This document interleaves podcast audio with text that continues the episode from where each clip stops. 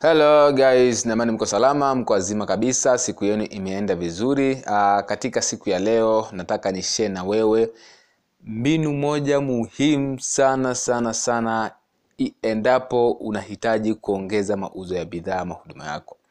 Kaneno haka ni kadogo sana ambacho naenda kukwambia sasa hivi lakini cha muhimu sana. Endapo unaongea na mteja wako ukatumie pindi anapouliza bei ya bidhaa ama huduma yako. Hakikisha neno hili uachi kulitumia kwa sababu litavunja vipingamizi vingi sana kichwani kwa mteja na vile vile linaweka uharaka linaweka urgency, eh, lina create udharura kichwani kwa mteja kununua bidhaa muda huo huo bila kukwambia atanunua kesho. Neno hili ni, lina nguvu sana sana ukilitumia. Ni neno dogo sana lina maneno manne tu lina herufi nne tu lakini ni neno kubwa sana ambalo litakusaidia wewe kuongeza mauzo yako kwa kiasi kikubwa sana sana ambalo wauzaji wengi wakubwa duniani ulitumia sana. Neno hili linaitwa yet au kwa kiswahili tunasema bado. Neno hili linaitwa bado. Neno hili linatumika hivi endapo unataka kuuza bidhaa huduma yako na mteja ameuliza bei ya bidhaa huduma yako linatumika hivi mteja amekuja katika sehemu yako ya biashara akauliza bei ya bidhaa ama huduma yako.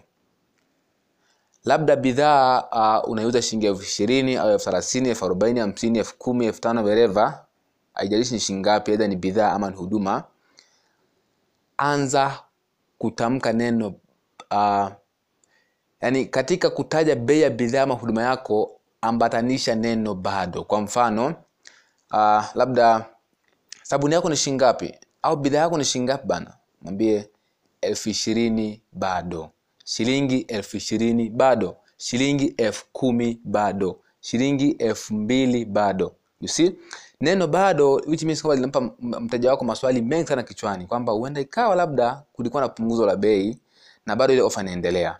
Hiyo point ya kwanza. Point ya pili which means kwamba kuna muda ukifika hii ofa itaisha then bei itabadilika. Kwa hiyo nisiponunua sasa hivi bei inaweza ikabadilika muda wote ule labda hii haikuwa bei yake labda kulikuwa na ofa you see? Kwa hiyo neno bado linajenga maswali mengi sana kichwani kwa mteja. Kwa hiyo badala ya kukwambia nitarudi kesho au punguza bei tayari itakuwa limeshajibu maswali yote. You see? Kwa hiyo utashangaa nakwambia basi nipatie. Shilingi elfu ishirini bado. Shilingi elfu kumi bado shilingi elfu mbili bado shilingi elfu moja bado. You see? Kwa hiyo neno bado litumie sana sana sana pindi unapo bagaini kuhusu bidhaa ama huduma yako. Neno bado linatengeneza udharura au uharaka kichwani kwa mteja kufanya maamuzi muda huo huo akihofia kwamba maybe kulikuwa na ofa lakini ile ofa bado inaendelea. Kwa hiyo which means nisiponunua sasa hivi kuna uwezekano wa kuikosa ofa you see? Kitu kingine huenda ikawa labda kulikuwa na punguzo fulani yani kulikuwa na kitu fulani ambacho hakikuwa kawaida kwenye bidhaa hii. Which means nisiponunua sasa hivi hii bado ikiisha which means itarudi kwenye bei yake ya kawaida au itarudi kwenye uhalisia wake wa hii bidhaa ama huduma. Kwa hiyo ngoja nichukue sasa hivi haraka haraka kabla hii bado haijaisha. Kwa hiyo neno bado ni mtego mm? lina create udharura kichwani kwa mteja kwamba kuna kitu kinaendelea hapa labda muda wake haujaisha lakini muda wake ukiisha hiki kitu kitakuwa kita- katika uhalisia wake. Kwa hiyo tumia sana neno bado pindi hasa hasa kwenye bei hasa hasa unapotaja bei ya bidhaa ama huduma yako. Shilingi elfu hamsini bado. You see?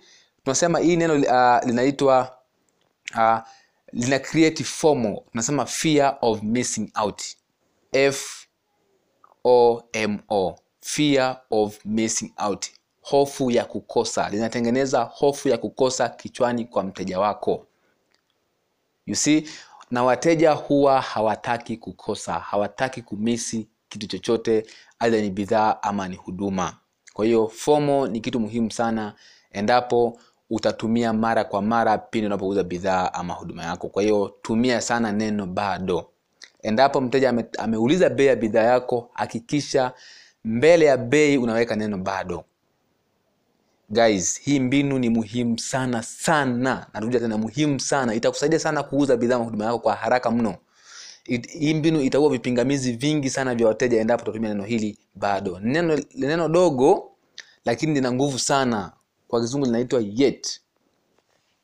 You see kwa hiyo neno ambalo lina maana sana sana na lina nguvu sana katika saikolojia ya kuuza kitu chochote. Zitakusaidia sana kuuza bidhaa ama huduma yako.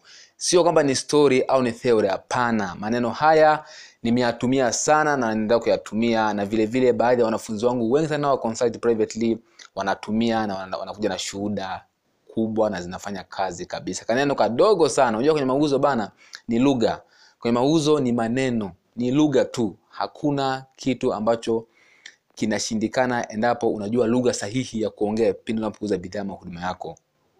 You see kwa hiyo neno hili litumia sana litakusaidia sana. Ni neno kadogo lakini kana nguvu sana kwenye mauzo. Kwa hiyo uh, naomba niishie hapo katika siku ya leo. Asanteni sana. Kama kuna swali basi mtauliza. Asanteni sana